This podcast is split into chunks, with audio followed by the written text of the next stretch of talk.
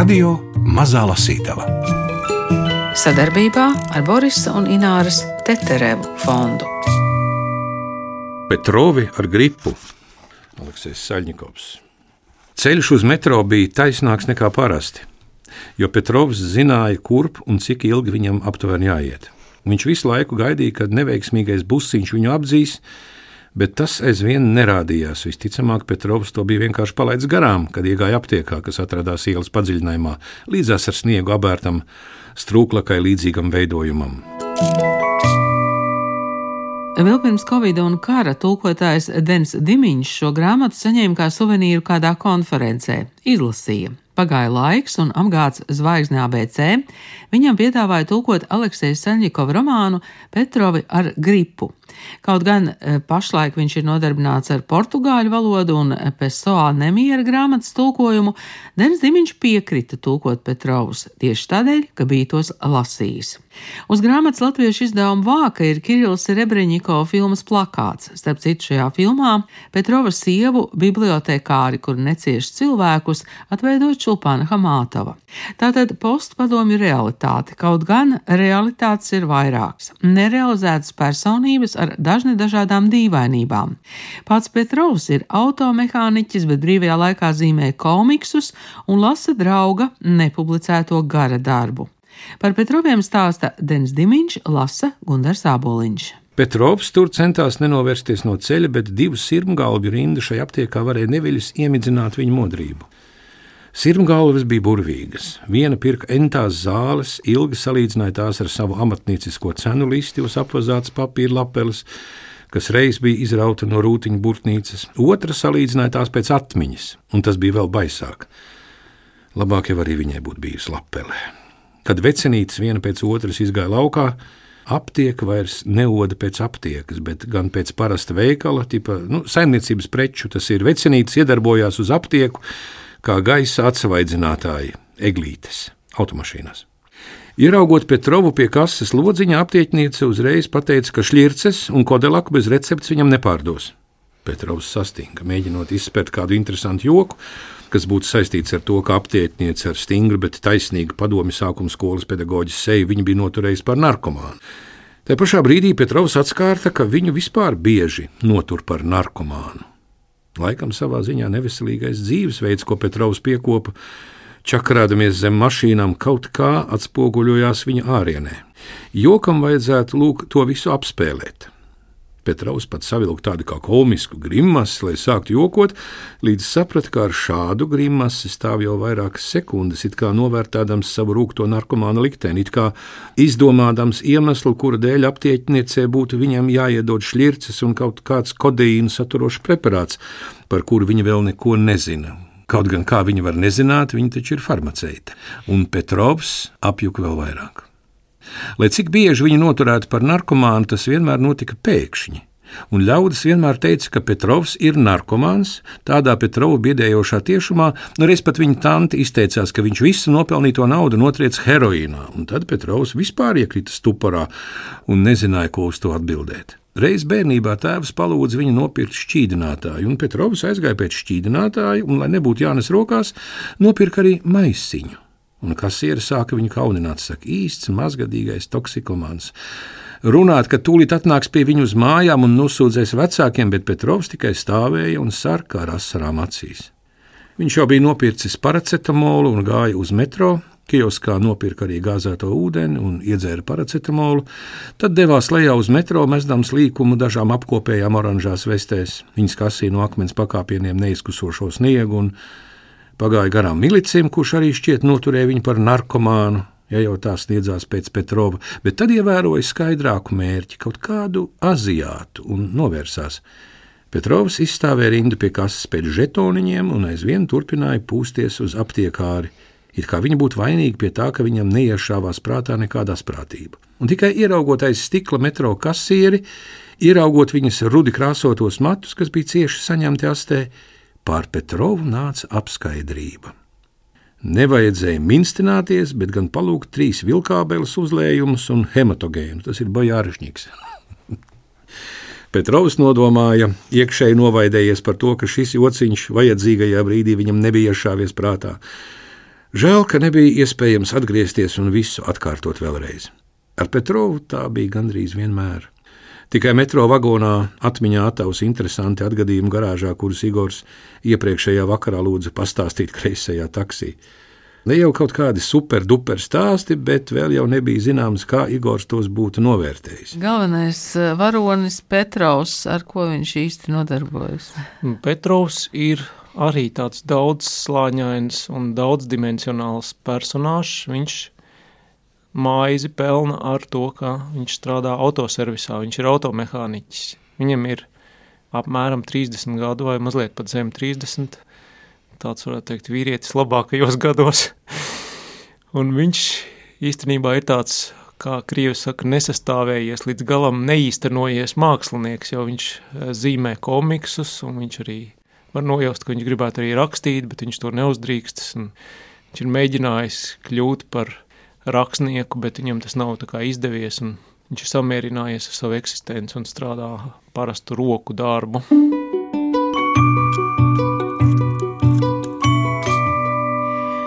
Aleksējs Saļņikovs ir dzimis Tartu, Igaunijā, dzīvojis Urālos un kopš 2005. gada Jekaterinburgā. Romāns Petrova ar gripu ieguva bestsellera balvu 2018. gadā, bet filma 21. gadā saņēma Kannu kinofestivāla vulkāna balvu. Šodien to lasa Gunārs Aboliņš. Trolēļbusā bija augsti, bet pēc āra to nevarēja īpaši just. Pa vadītāja logu bija redzamas pa priekšu braucošā trolēļbusa pasažieru sejas, un Petrovs ar grūtībām valdījās, lai nepagrozītu pirkstu pie deniņiem vai aicinoši nepamātu ar roku. No nelaimīgajiem pasažieriem Petrova uzmanību novērsa šaurais pieturs laukumiņš pie teātra Volhonka, kur tika solīti jaungada priekšnesumi, un Petrovs ar ļaunu prieku nodomāja, ka jau ir nopircis biļeti uz ķūzu. Tas ir jaunatnes teātris ķētari un uz rīķeļa. Nu, te prasās arī tulkojumi, kas ir kreisais staklis, taksis un tā tālāk. Uz stikla līdzās Petrovam bija uzlīmēts paziņojums par to, ka 31. decembrī trolēbusi brauks uz depo pulksten 23. Nes kāpēc šajā paziņojumā Petrovs sajūta lielāku jaungadu feelingu nekā pa visu pilsētu izkarinātajās virtenēs un jaungada reklāmās pa televizoru. Petrovs atcerējās, kā pirms pāris gadiem Bija skrējis piepirkt klāt šampi uz kiosku pie mājas, bet, kad atgriezās mājās bez 15, 12, kāds jautrā prātā bija iestrēdzis liftā un daudzījās tur, bļaudams skumjā balsī, saprastams, ka agrāk par vieniem naktī viņa neviens no tā neatbrīvos. Bolīdamies uz visām pusēm, Petrovs palaida garām vaiprātīgās parādīšanos. Braucot ar sarežģītu līkumu no Maskavas kalniņa līdz centrālajam stadionam, negarlaikoties nebija iespējams, jo tur vienmēr bija, ja ne korķis, tad vismaz neliels stūķis, kas bija saistīts ar tīzlu krustojumu un šauru ielu, kuras saplūda ar citu šauru ielu. Parasti līdz centrālajam stadionam brauc provinciāls tantes ar rūtēnām ķīniešu tašām. Viņas els un pūte visu laiku prasīja pietura nosaukumus, trauksmaini skatījās pa logu, baidīdamās palaist garām īsto vietu. Viņas nebija nekādas fanas, vienkārši pretim stadionam bija cietums. Un visas tās tantes steidzās uz turieni pie saviem dēliņiem. Skatīties uz viņām bija neizturami, jo Petrovs arī pats savā laikā būtu varējis nonākt aiz restēm aiz savas absolūtās jaunības muļķības. Viņš pilnīgi varēja iztēloties, kā viņa māte arī skriet pakaļ transportam kādā svešā pilsētā, kur Petrovs būtu ietupināts, tikpat satraukti prasītu pieturas, un tāpēc Petrovs pret šo tantīšu ņemšanos izjuta riebumu un pretīgumu. Viņš allaž novērsās vēl līdzi stūrī, kad redzēja viņu sānis nobrukušos vai līdzīgi pionieru kaklautam uz kakla noslīdējušos lakatiņus. No cepuru apakšas ritošās sviedru lāsas, it kā tantītes tikko būtu uz ielas pikojušās. Viņš nespēja izturēt to viņu piedodiet, sejas izteiksmi, jo atcerējās, kādus skandālus mēdz rīkot sievietes garāžā, draudot ar vīru bandītu. Tagad šādi draudi atskanēja retāk, bet 90. gadu beigās, kad Petrovs tikai sāka skrūvēt uzgriežņus, kas tāds gadījās nepārtraukti. Viņš itin viegli spēja iztēloties, ka starp tādām tantītēm var būt arī kāda, kas agrāk taisīja tračus.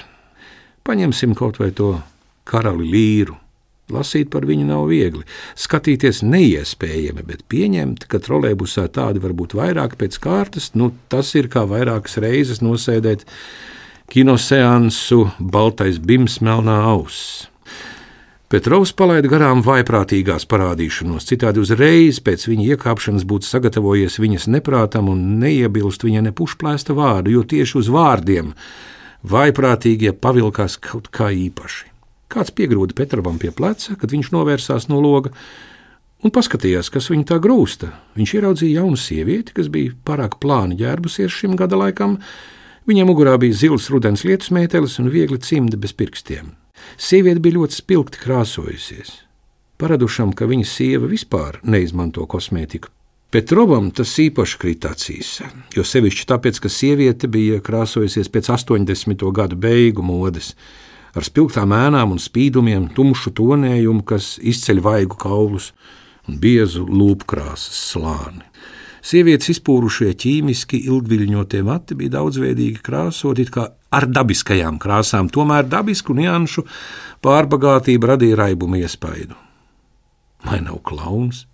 Petrovs neviļus nodomāja un pats domās pasmaidīja par tādu bezgaumību, bet šis smaids pagājis, kad Pajaco uzsāka savu numuru. Vai jums zināms, ka šī vieta ir paredzēta pasažieriem ar bērniem?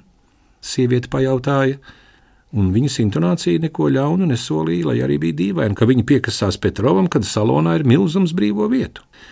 Petrovs nodomāja, ka viņa ieņemtā vieta vienkārši ir siltāka nekā citas, jo tās bija tālāk no apsildāmās konduktoras vietas, bet bērnam, kas turējās sievietē pie rokas, neapšaubāmi bija vajadzīgs siltums. Tas bija četrus gadus vecs puišelis, arī tērpts oranžā rudens vēja, kā adītā cepurītē, kājās violeti gumijas zābaki, Lai arī nebija redzams, ka bērns saltu vai kā citādi ciestu no augstuma, viņa lūpas bija tikpat violetas kā zābaki.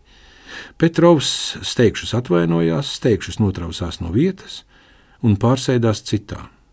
Tomēr sieviete nelika Petrovam mieru. Iegrūdusi zēnu atkarotajā sēdvietā, viņa atkal pienāca pie Petrova un no jauna pakratīja viņu aiz pleca. Vai jūs vispār izjūtat kaut kādu kaunu? Viņa apvaicājās. Jūs saprotat, ka mans dēls, un te viņa ir pirksts parādījusi savu atvasi, ir cilvēces nākotne, pēdējā zemes cerība.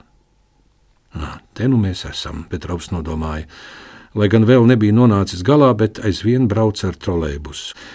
Te kā pēc pasūtījuma parādījās saule, kādēļ trolēbus iekšējās dekorācijas ar daudzām ledus puķiem uz loka un nekūstošo sniegu uz grīdas sāka atgādināt saldētavu bet nervozās pasažieres ņemšanās saules gaismā ar dzelteno turekļu zilganajām ēnām kļuva par kaut kādu īpašu atsaldētības pakāpi. Sieviete sāka runāt par viņas dēla atvērto čakru, par to, ka parastiem cilvēkiem aura esot balta, bet viņam zila. Viņa teica, ka dēls jau prot lasīt, rakstīt un skaitīt līdz tūkstotim, un atpakaļ, ka viņš zina kaudzi vārdu angļu un vācu valodā.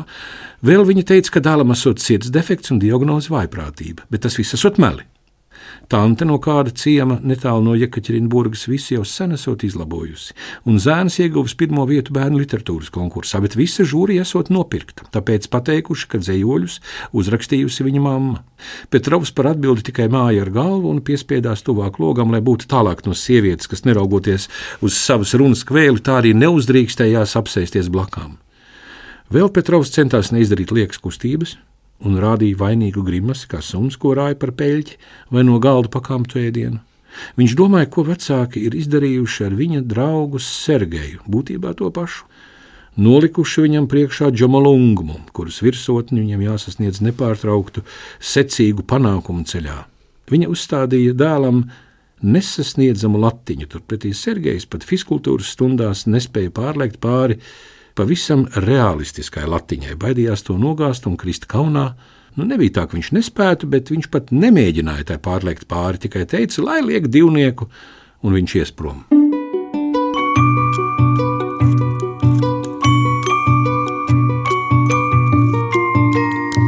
Radio Mazā Lasītava. Nu, kāda vēl ir varoņa? Mēs pieminējām Petro, mēs pieminējām uh, Sergeju. Mm. Viņa ir, sieva. Jā, viņa jā. sieva. Filmā starp citu Panhamātovu. Jā. jā. Petro ar šo te aziātisko, eksotisko uzvārdu Nurpinisa. Jā, šī sieviete, kas ir bibliotekāra un vienlaikus viņa ir maniaks. Iedomājieties, tas ir kaut kas absolūti, liekas, mūsdienās neticams. Ne? Nu, Tantes, kas sēž bibliotekā, vai jūs varat iedomāties, ka viņi staigā pa parku nāzi kabatā. Nu, tieši tā tur ir, jā. Tieši tā tur ir, jā. Un tas arī savā ziņā arī ir kaut kāda paša Petrova galvenā varoņa projekcija, jo tā sieva izdara to, ko varbūt viņš neizdara savā dzīvē. Viņš nepieņem drosmīgus lēmumus, viņš neaiziet no tā darba servisā. Viņš neuzdrīkst pateikt tam Igoram, kas ir arī citu, ļoti interesants varonis, ka viņš negrib ar viņu turpināt draudzēties, ka viņš ir destruktīvs, ka viņš viņu mudina uz alkoholismu un tam līdzīgi. Viss Igors ir tāds varonis, par ko mēs varētu runāt stundām ilgi, jo tas ir faktiski tāds triksters, tāds starpnieks starp dažādām pasaulēm, un viņa vārda, uzvārdu un tēva vārda burti veido vārdu Aīts, Artjuhin Igor Dmitrievičs, AID. Nu, padomājiet, kāda elle ir ielikt šai personāžā. Nu, un ko dara mazais Petrovs? Mazais Petrovs kaut kā dzīvo šai dīvainajā pasaulē, un viņš aiziet pats savā, var teikt, dimensijā.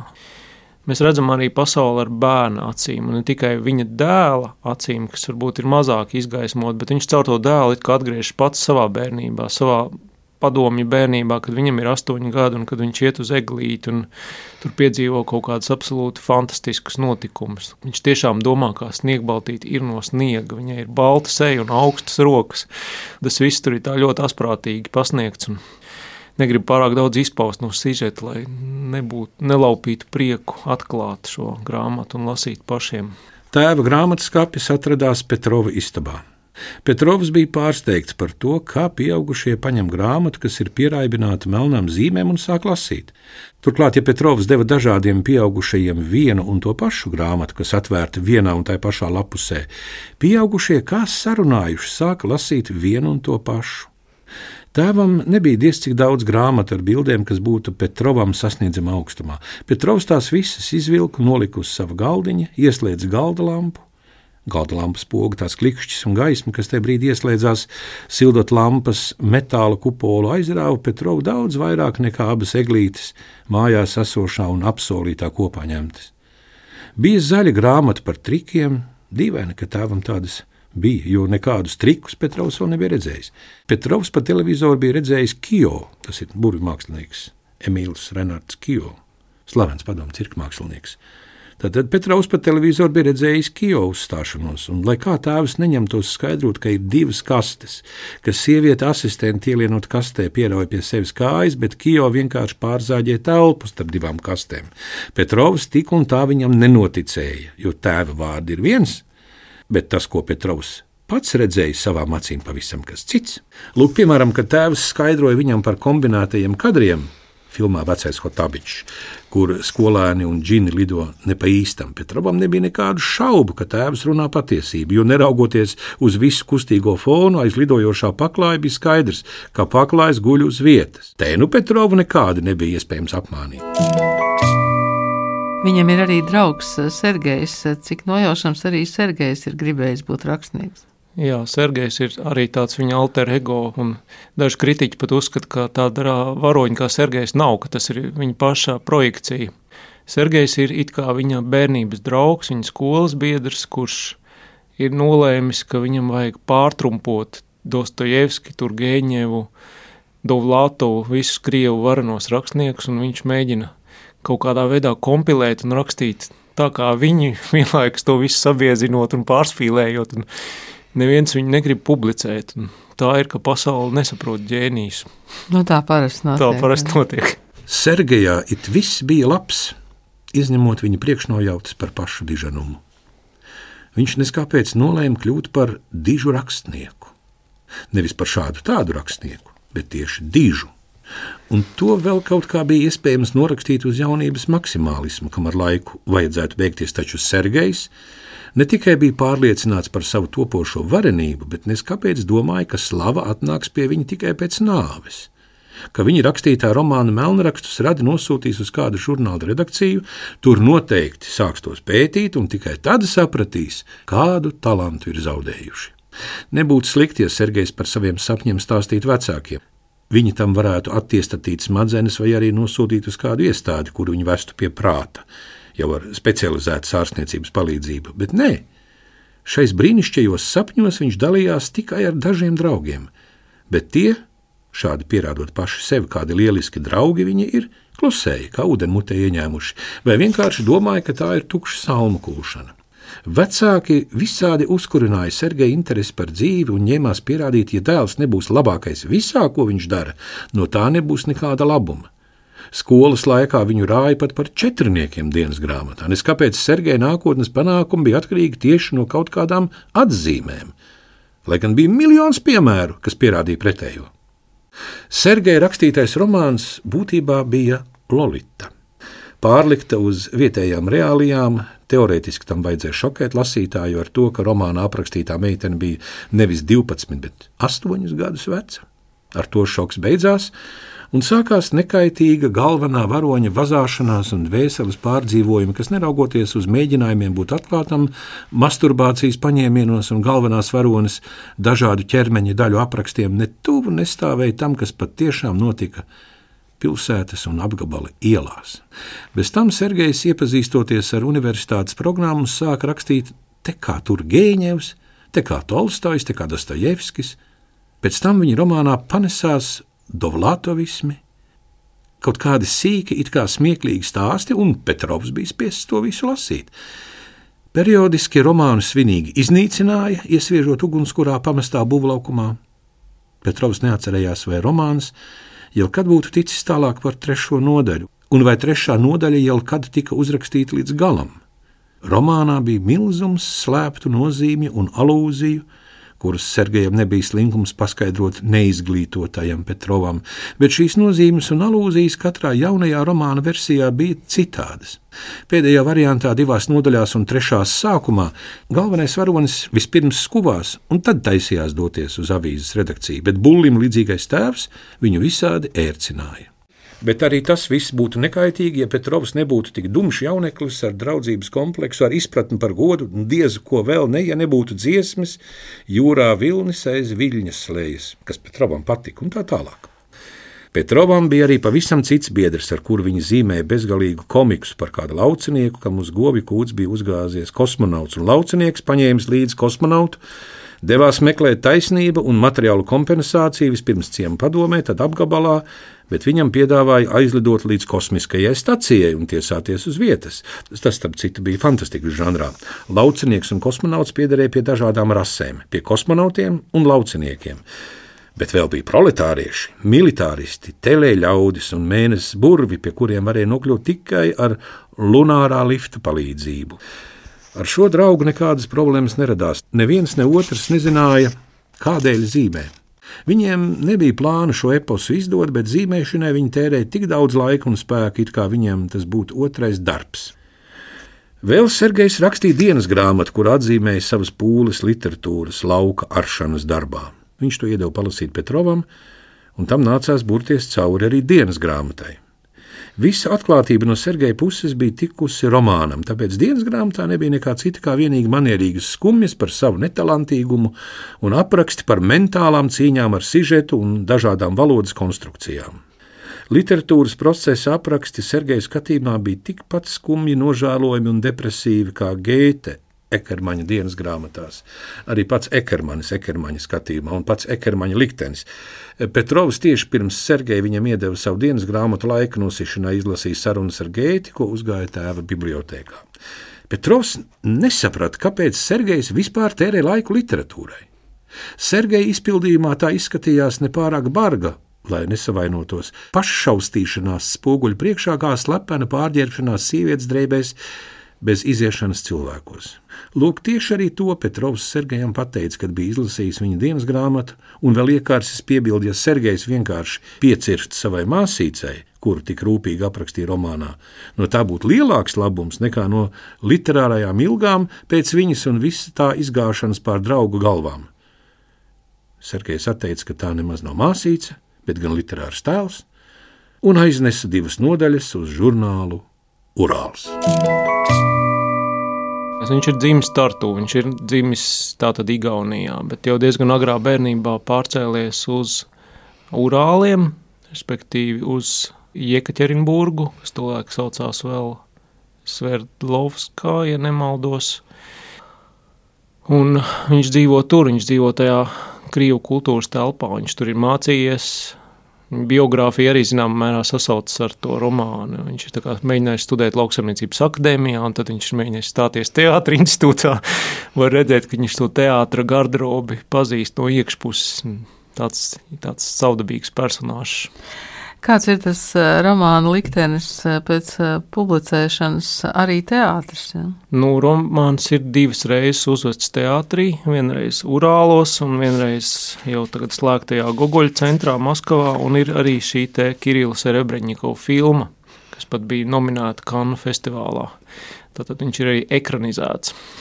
Saka, lūdzu, kā ir ar nosaukumu? Vai bija sarežģīti latviskot nosaukumu, jo krieviski tad būs Nu, Pietrova gripi vokruг него. Nu, jā, krievisks nosaukums ir apzināti tāds neveikls, magnējs, un faktiski tas ir savā ziņā metafora slimības stāvoklim, varbūt arī sabiedrībā, kas ir vērojama. Mūsdienās jau īpaši, bet arī es pieļauju tajos laikos, kad romāns tika iecerēts un rakstīts, tā visa postpadomi, nolaistā realitāte un viss tas cilvēku savā ziņā trulums un samierināšanās ar to, kas ir.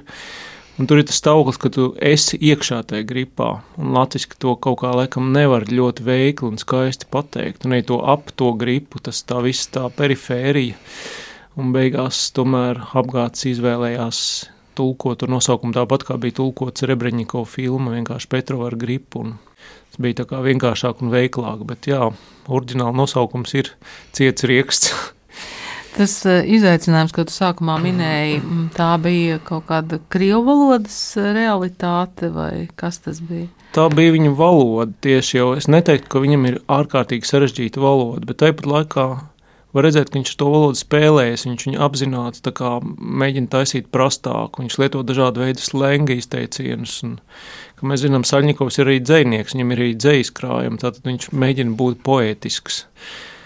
Varbūt jūs zināt, ka viņam ir otrais romāns, kas iznāca pāris gadus vēlāk, kas saucās Apas Riedavana, tā kā pastarpināti. Un viņš ir, viss romāns ir par dzēju un īpašām dzējas formām, kas darbojas kā narkotika, kas ir aizliegtas. Un cilvēki vienkārši lasa dzējoļus un no tā ķer kaifu, ja tā var teikt.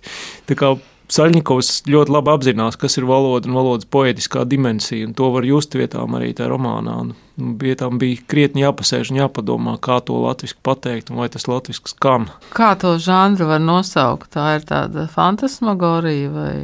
Tas ir kaut kas tāds, jā, nu tad mūsdienās jau faktiski visu var saukt par postmoderno romānu.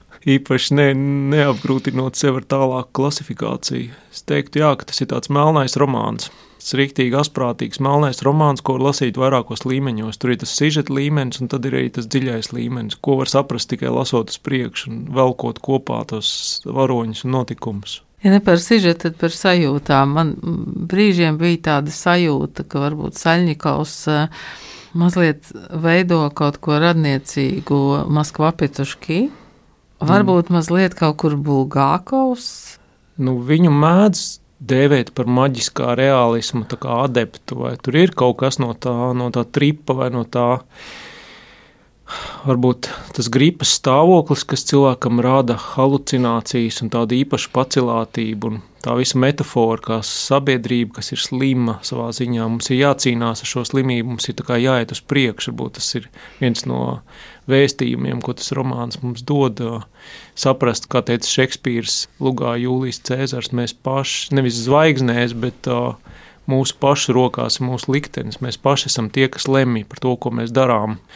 Savā ziņā tas arī tāda kritika tiem neizlēmīgiem, tiem kūtrajiem. Varbūt arī šai krievu masai, kas šobrīd noskatās uz visu to, kas notiek, diemžēl, Krievijā. Bet eh, vai ir kādas ziņas, nu, ko Saļņikovs šobrīd dara? Viņš joprojām ir eh, Jekaķerinburgā, viņš joprojām ir tajā krīvo realitātē. Es zinu, ka viņam pērn iznāca romāns ar nosaukumu Okult Trāgers, Okult Trāger. Bet man, diemžēl, nav šis romāns. Es neesmu viņu reiz dabūt, un krievu grāmatas arī tagad pie mums tā neatsūta tik ātri. Es zinu, ka viņš turpina rakstīt, un viņš ir saņēmis eh, Krievijā 2018. gadā prēmiju ļoti nozīmīgu Nacionālnības ceļu, tātad valsts bestsellers, valsts līmeņa, nacionālais. Mhm. bestsellers, jā. Un es domāju, ka viņš dzīvo tālāk, bet paldies Dievam, es neesmu dzirdējis nekādas politiskā rakstura paziņojumus no viņa. Es uzreiz arī gribu teikt, ka patiesībā viņš ir, viņš ir labs rakstnieks. Ļoti ceru, ka viņam pietiks prātā nelīst varbūt šā, šā brīža politikā vai vismaz pretoties tai, bet, protams, to ir vieglāk pateikt no malas nekā izdarīt. Un situācija tur nav īpaši patīkama. Jā, un mēs jau arī nevaram zināt, ko Jekaķerinburgā par visu to domā, kas notiek pasaulē. Un tā ir taisnība. Jā, jau ne, nu, Jekaķerinburga, es teiktu, ir viena no gaismas stariem, tāpat kā Maskava, Pēterburga, lielākās pilsētas, kur dzīvo varbūt uh, inteliģenti cilvēki, kur ir universitātes mācību centri. Tur arī notiek kaut kāda varbūt kritiska domāšana un, ja ne varbūt plaša mēroga diskusijas, tad vismaz neformālas diskusijas par to, ka situācija ir neapmierinoša un, un tādā veidā, kā dzīvo šobrīd, ilgi nevarēs dzīvot. Bet, protams, tajā dziļajā Krievijā mēs visi zinām, ka tur varbūt gaismas stars vai kaut kāda refleksija nonāk vēl lēnāk, vai vispār nenotiek. Es pieļauju, ka liela daļa cilvēku vienkārši neinteresējas par politiku. Un, kā, teikt, kā valdība nolems, tā būs labi. Tā ir tāda arī kaut kāda lielā mērā traģēdija Krievijā. Bet uh, Saņģikovs varbūt raksta pārāk sarežģīti, lai kāds, uh, teiksim, no Krievijas varas iestādēm pēkšņi sāktu cenzēt. Uh, nu, viņš jau tur neraksta tieši, es esmu pret Putinu vai es esmu pret mūsdienu Krieviju. Es domāju, ka cenzēt viņu Nu, viņš jau, jau ir cenzēts, jau Krievijā uz visiem viņa grāmatām ir zīme 18, plus, pēc tā krievu likuma ir kaut viens necenzēts vārds vai Un kaut kas, jā. Kaut kas saistīts ar to, kas varētu būt nevēlams bērniem, vai tad tur, protams, uzreiz viņš tiek ielīmēts plasmas plēvē un bērni viņam netiek klātīt kā. Bet vai viņš varētu būt politiski cenzēts, es nedomāju. Kaut un es negribētu tev piekrist par to, ka viņi maz lasa jau. Tas bija nacionālais bestsellers. Piemēram, šīs konkrētais romāns bija fenomenāli populārs. Viņi izpirka vairākus metienus. Viņš iznāca pirms žurnālā un pēc tam tikai grāmatā.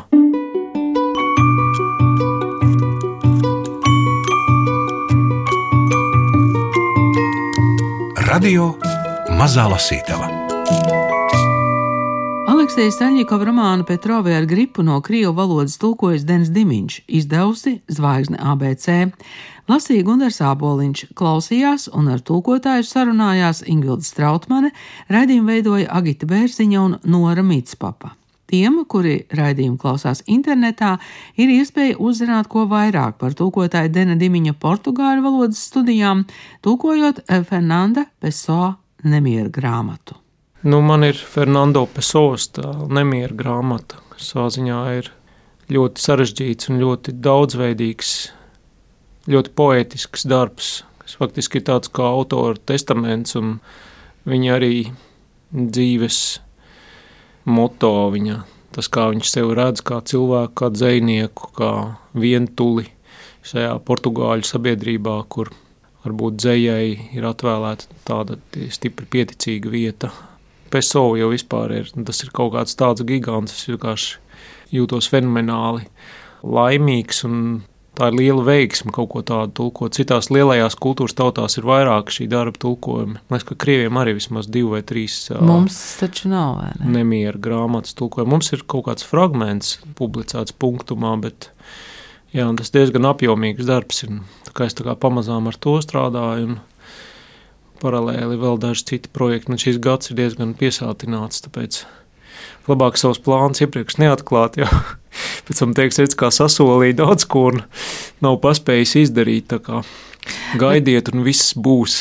Bet no kādas valodas jūs tulkojat pēc tam? No, no portugāļu no valodas, jā. Tad portugāļu valodu var pieskaitīt pie tām cik valodām? Jo... Tā ir, man tā var teikt, jaunākā un varētu, negribas teikt švakākā valoda, bet tā ir valoda, kur man ir mazāka pieredze un Es tulkoju dažus prozas stāstīņus, un no 19. gada viņa mācos. Ir jau tā, ka īstenībā citas romāņu valodas ļoti palīdz. Ja jūs labi zināt franču valodu un spāņu valodu, tad nu, ielikt portugāļu valodā nav tik neiespējams uzdevums, bet nu, jābūt ļoti uzmanīgam. Es tiešām tur ar visām vārnīcām un tur saprotu, ka katrs vārds gluži tā kā kavafja dzējā, tā arī pesos tajā prozā, tur viss ir konstruēts, tur nav tā, ka nejauši kaut kas ir uzrakstīts.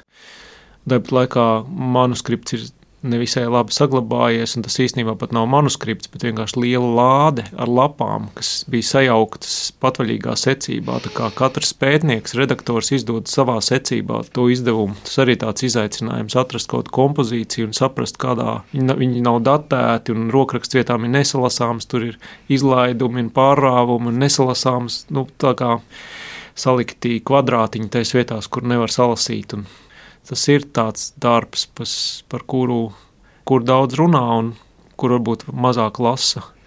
Bet eh, tad tulkotājs arī drīkst jaukt tās lapas, vai vairs nedrīkst?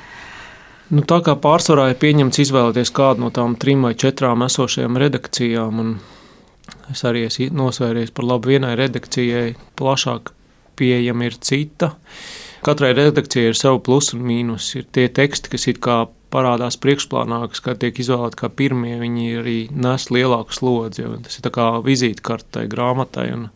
Es ņēmu to redakciju, kur pirmais gabals uh, stāsta par to, ka man dvēseli ir kā apslēpts orķestris. Man tas likās tik ārkārtīgi muzikāli un skaisti, tāda metāfora, ko iesākt šo grāmatu. Un tad, nu jā, Hieronimo Pisaro redakcija.